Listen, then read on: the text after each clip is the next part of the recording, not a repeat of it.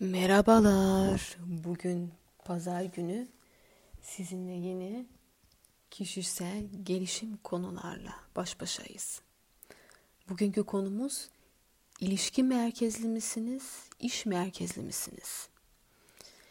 İnsanları hayattan istediklerini elde etme biçimlerine göre ikiye ayırıyorum. Birincisi ilişki merkezliler. İkincisi iş merkezliler. İş merkezliler hayattan istediklerine bir işi çok iyi yaparak ulaşmaya çalışırlar. İlişki merkezliler ise diğer insanlarla iyi ilişkiler kurarak istediklerini almaya odaklanırlar. Her insan hayatında biraz iş, biraz da ilişki odaklı durumlar yaşasa da çoğunlukla biri daha baskınıdır. İlişki merkezliler de kendi içinde ikiye ayrılır. Birincisi aşk ilişkisi üzerinden istediklerine ulaşmaya çalışanlar. İkincisi iş ilişkisi üzerinden istediklerini elde etmeye çalışanlar. İlk gruptakilerin en büyük stratejisi başarılı bir evlilik yapmaktır. Bazıları bedeli başkaları tarafından ödenmiş ödüllere ulaşmak için, bazıları hayatta elinden başka bir şey gelmediği için bu yolu seçer. İkinci gruptakilerin en büyük stratejisi ise kurnazlık ve klancılıktır. Bir meslekte çok iyi olmaksızın sadece iyi iş, iş ilişkileri kurarak başarılı olmak isteyenler bu gruptadır. Hırsları yüksek, donanımları düşük insanlardır. Kütüphane yerine parti, il başkanlıklarında zaman geçirirler. Kabiliyet eksiklerini kurnazlık ve klancılık kapatmaya çalışırlar.'' Bazı insanlar iyi ilişkiler kurmaya yatkın doğar ve zamanla iş yeteneğini de geliştirip harika bir profesyonel olur. İnsanlarla başarılı ilişkiler kurabilmek önemli bir beceridir. Bir garson yemeğiyle beraber yüzünü de servis eder. İşini kötü yapıp ilişkiyi kredisiyle bunu kapatmaya çalışmak ise çok kötüdür. Bu tarz bir ilişki marifet değil, manipülasyondur halkla ilişkiler gibi bazı meslekler doğası gereği ilişki bazlı iş gibi görünse de iş merkezli insanlar o işi de kendi stilleriyle yaparlar. Betül Mardin buna iyi bir örnektir. Ben iş merkezli insanları ilişki merkezlilerden daha çok severim. İş merkezliler mesleki gelişimleri için onurlu bir zorlanma sürecinden geçmiş insanlardır meslek ahlakları, detay hakimiyetleri ve iş disiplinleri yüksektir. İşlerinde iş olmanın verdiği haklı özgüvene sahiptirler. Vasat değil, üstün performanslı. Kurnaz değil, kabiliyetli. Sakil değil, kaliteli. Söz değil, sonuç odaklı insanlardır. İnsan ilişkilerini başta başına meslek olarak görmez. Meslekleri üzerinden insanlarla ilişki kurarlar. Sadece ilişki odaklı insanlar ise işlerini vasat veya kötü yapıp işteki yetersizlerini ilişki oyunlarıyla kapatmaya çalışırlar. Sen benim sırtımı kaşı. Ben senin sırtını kaşıyayım. Sen benim eksiğimi görme, ben de senin şeklindeki mazaret ve menfaat dayanışmasını sıklıkla kullanırlar. Bu insanların baskın çoğunluk olduğu yerlerde arkalı köpek kurdu boğar kültürü oluşur. Bu da başarı adaletine olan inancı sarsar. İnsanlar kendini geliştirmez. Herkes işini safsaklamaya başlar. İşini kötü yapıp ilişkilerini iyi tutan insanlar çoğaldıkça zamanla o aileyi, şirketi veya ülkeyi basatistana çevirirler. İnsanlar ve şirketler gibi toplumlar da bu kritere göre sınıflanabilir. Almanlar genellikle ilişki değil iş merkezlidir. Gelişmemiş ülkeler çoğunlukla iş değil ilişki merkezidir. Amerikalılar ikisini optimum dengeyle yönetmeye çalışırlar ama tercih yapmaları gerekirse işlerini seçerler. İş merkezli ülkeler ve insanlar daha özgürlükçü, yenilikçi ve bağımsızdır. İlişki merkezler daha bağımlı ve tutucudur. İlişkiler üzerinden geçim sağlanınca insanlar kendi karakterine göre değil, grubun kanatlarına göre davranacaklardır. Bu da zamanla kariyerlere ama karaktersiz insanlar sayısını artıracaktır. İlişki merkezli ahbap çavuş kitap kapitalizmi egemen oldukça başarı bu kalemunları hızla yükselişe geçer. Başarı bu kalemunları yükseldikçe o ülkede başarının itibarı da düşer. İnanıyorum ki bir insanın işini iyi yapma oranı ile ilişkilerini iyi tutma zorunluluğunun toplamı yüzdür. Yani işini 100 üzerinden 80 oranında iyi yapanlar ilişkilere %20 oranında bağımlıdır.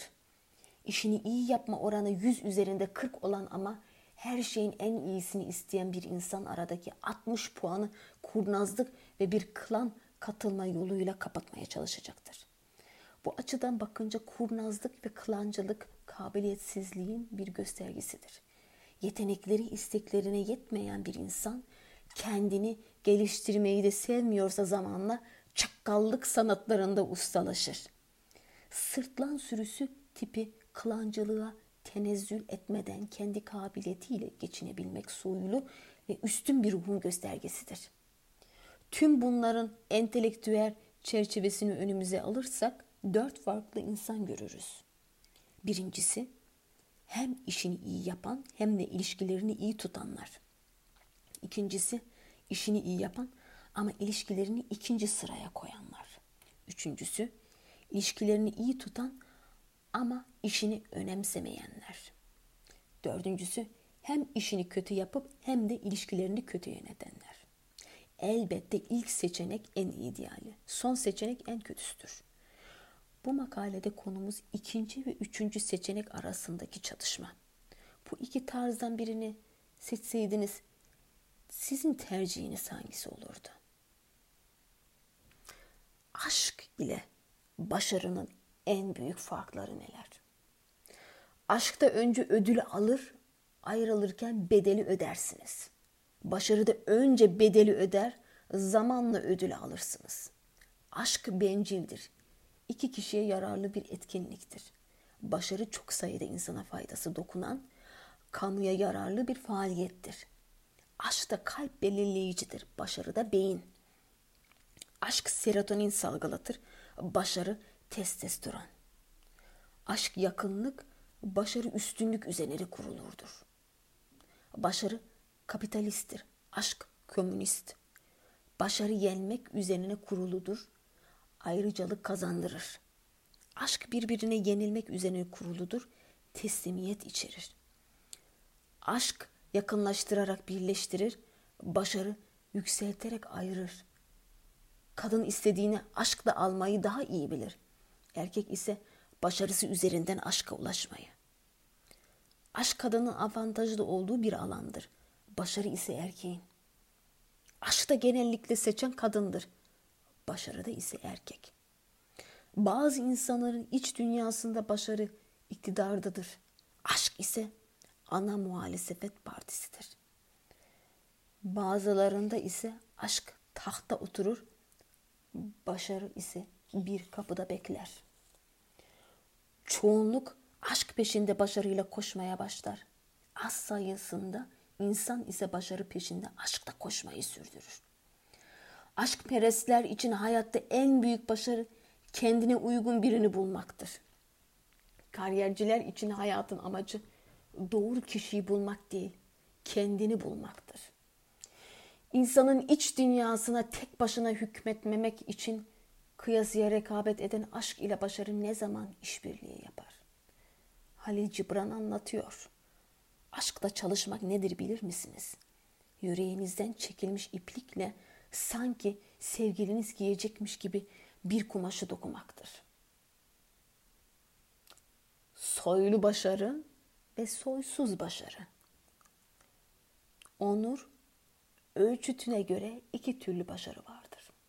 Soylu başarı ve soysuz başarı. Kendisi bir doktor olduğu halde mesleğiyle çok konforlu bir hayat yaşayabileceği halde yoksul insanların hakları için mücadele eden Che Guevara'nın hikayesi evrensel kültürde soylu bir başarı örneğidir. Kendinden daha güçsüzlerin yararı için kendinden daha güçlülere mücadele veriyor ediyorsun. Bu uğurda kaybedeceğin kazanacağından daha fazla olduğu halde yolundan dönmüyorsan, başardığın işin başkalarına olan faydası sana yararından fazlaysa sen soylu bir başarı peşinde koşuyorsun demektir. Bu tutum bir tür başarı şövalyeliğidir. Pardayanlar ruhunun kariyer alanına transferidir. En onurlu başarı biçimidir. Çok nadir karşılaşılır. Topluma faydalı bir başarıyı herkes bilir. Soylu başarıyı ise çok az insan yapabilir. Soylu başarı idealist başarının da bir adım ötesidir. Bir de soysuz başarı vardır. Lejyonerlerinki bu tür başarıdır. Kendini daha, daha güçlülere kılıç kiralayıp onlar için haksız şekilde zayıf ve masum insanları yenerler. Bunlar zafer kazansa da başarılarının onuru eksik kalır. Başarı şövalyeleri ile başarı lejyonerlerinin fark üzerinde şudur. Lejyonerler kendinden güçlülerin çıkarı için kendinden daha güçsüzlerle savaşır. Başarı şövalyeleri ise kendilerinden daha güçsüzlerin hakkı için kendinden daha güçlerlerle savaşır. Şövalyenin başı daima diktir ama yardım eli atının eğerinden aşağıya uzanmıştır. Unutmayın, kendinden daha güçsüzü sevmeyen kahraman olamaz. Siz hangisine yatkınsınız? Başarı lejyoneri misiniz? Başarı şövalyesi misiniz? Başarıyı bölüşme biçimleri. Keser, bıçak, balyoz ve rende. İnsanlar başarıyı bölüşme biçimine göre dörde ayrılır. Elinde keserle yaşayanlar kendinden yana insanlardır. Önlerine gelen her şeyin yongası kendi taraflarına düşecek şekilde hep bana hep bana diye yontarlar. Elinde rendeyle yaşayanlar yongalar karşı tarafa düşecek şekilde hep sana hep sana diye yontarlar. Fedakar anneler ve büyük idealistler bu gruptandır. Bir de bıçakla kesenler vardır. Bir sana bir bana. Adil, dengeli ve vicdanlı insanların yoludur. Adil olduğu kadar akıllıcadır çünkü sürdürebilir başarı sonucun adil bölüştürülmesine bağlıdır. Kazan kazan tavrı bu kategoriye gider. Bir de balyozla bölenler vardır. İhtilaf durumunda ne sana ne bana diyerek her şeyi ezip yok edenler. Fiziksel güçleri büyük ama duygusal zekası düşük insanların yoludur. İnsan olmadığı kişinin de mimarıdır. Zihin zamanla en çok düşündüğümüz şeylerin şeklini alır. Beden ise en sık yaptıklarımızın. Tersinden düşünürsek sık sık düşünmediğimiz şeyin izlerini beynimizde bulamayız. Sıklıkla yapamadığımız şeylerin sonuçlarını da bedenimizde. Ne hakkında düşündüğümüz kadar ne üzerinde düşünmediğimizin de sonuçlarını yaşıyoruz. Ne bildiğimiz kadar ne bilmediğimizin de sonuçları kaderimizi etkiliyor. Ne yediğimiz kadar ne yemediğimiz de biçimlenir bizi. Hayatta neyi olmadığınızı anlamak için bilmediklerinize, düşünmediklerinize ve yapmadıklarınıza bakın. Hayatta neyi olmadığınızı anlamak için bilmediklerinizi, düşünmediklerinize ve yapmadıklarınıza bakın. Hayatta ne olduğunuzu anlamak için de neyi düşündüğünüze, neye inandığınıza ve ne yaptığınıza bakın. Ne olduğumuz kadar ne olmadığımız da kendi eserimizdir. İnsan olmadığı kişinin de mimarıdır. Sevgili dinleyiciler, bugünkü podcastımızda buraya kadar. İyi haftalar. Ben Betül Özdemir.